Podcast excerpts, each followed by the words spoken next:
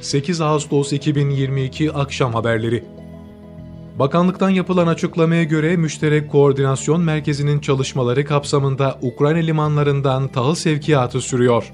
Bu sabah İtalya'ya 11 bin ton soya taşıyan Sakura isimli gemi Yuzi'den, İskenderun'a 48.458 ton mısır taşıyan Arizona isimli gemi ise Çernomorsk'tan hareket etti. Öte yandan Ukrayna limanlarından dün hareket eden ve İstanbul'a seyrine devam eden 4 gemi bu akşam saatlerinde İstanbul'da demirleyecek ve yarın denetime tabi tutulacak. Türkiye devam eden jeopolitik risklere karşı güçlü ihracat performansını sürdürüyor. Rusya-Ukrayna savaşı nedeniyle küresel tedarik zincirinde görülen aksamalar ve ülkenin Rusya ile ticari ilişkilerinin olumsuz etkilenmesine karşın Türkiye, sürdürdüğü denge stratejisi ve etkili dış politikasıyla Rusya'ya ticaretini etkin şekilde sürdürmeye devam ediyor.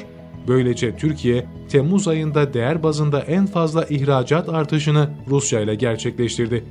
Türkiye'nin ihracatı Temmuz ayında geçen yılın aynı dönemine göre %13.4 artarak 18 milyar 550 milyon dolara yükseldi.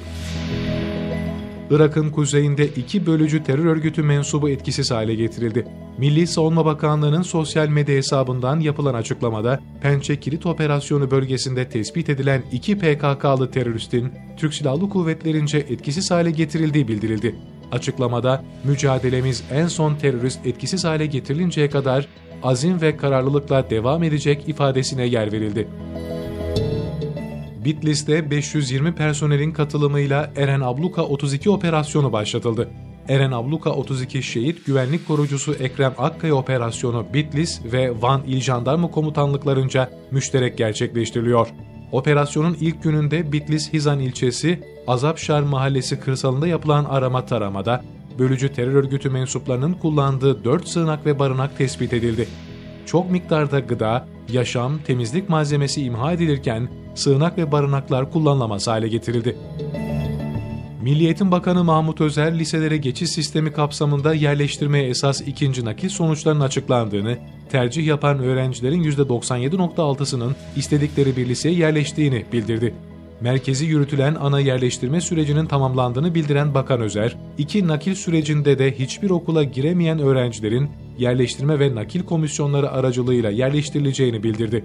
Özer bu öğrencilerin başvurularının komisyonlarca 9-17 Ağustos'ta alınacağını ve 19 Ağustos'ta yerleştirme sürecinin tamamlanacağını kaydetti. Azerbaycan Savunma Bakanlığı son 24 saat içinde Azerbaycan ordusu mevzilerine Ermeni silahlı birliklerce 10 kez ateş açıldığını duyurdu. Azerbaycan ordusunda personel ve ekipman kaybı olmadığı vurgulanan açıklamada açılan ateşe karşı misillemede bulunulduğu ifade edildi. Öte yandan Dışişleri Bakanı Mevlüt Çavuşoğlu da gerginliğe ilişkin Ermenistan'a yeni provokasyonlara girmemesi konusunda tekrar uyarıyoruz değerlendirmesinde bulundu. Çin, Amerika Birleşik Devletler Temsilciler Meclisi Başkanı Nancy Pelosi'nin geçen hafta Tayvan'a ziyaretinin ardından ada çevresinde başlattığı askeri tatbikatları daha önce açıklanan süre dün dolmasına rağmen bugün de sürdürdüğü bildirildi. Açıklamada tatbikatların yerine ve ne zaman sona ereceğine dair bilgi verilmedi. Pekin'in tatbikatları öngörülen sürenin ötesine taşıma adımı bölgede gerilimi yükseltmeye aday görünüyor. İslami Dayanışma Spor Federasyonu ve İslam İşbirliği Teşkilatı üyesi ülkelerin katılımıyla düzenlenen İslami Dayanışma oyunlarının beşincisi yarın Türkiye'nin ev sahipliğinde Konya'da başlayacak. Konya'nın ev sahipliğinde 18 Ağustos'a kadar sürecek oyunlarda 56 ülkeden 4000'den fazla sporcu 24 farklı branşta madalya için ter dökecek. Organizasyonda toplam 355 madalya sahibini bulacak. Türkiye, İslami dayanışma oyunlarında şu ana kadar 95'i altın, 305 madalya elde etti.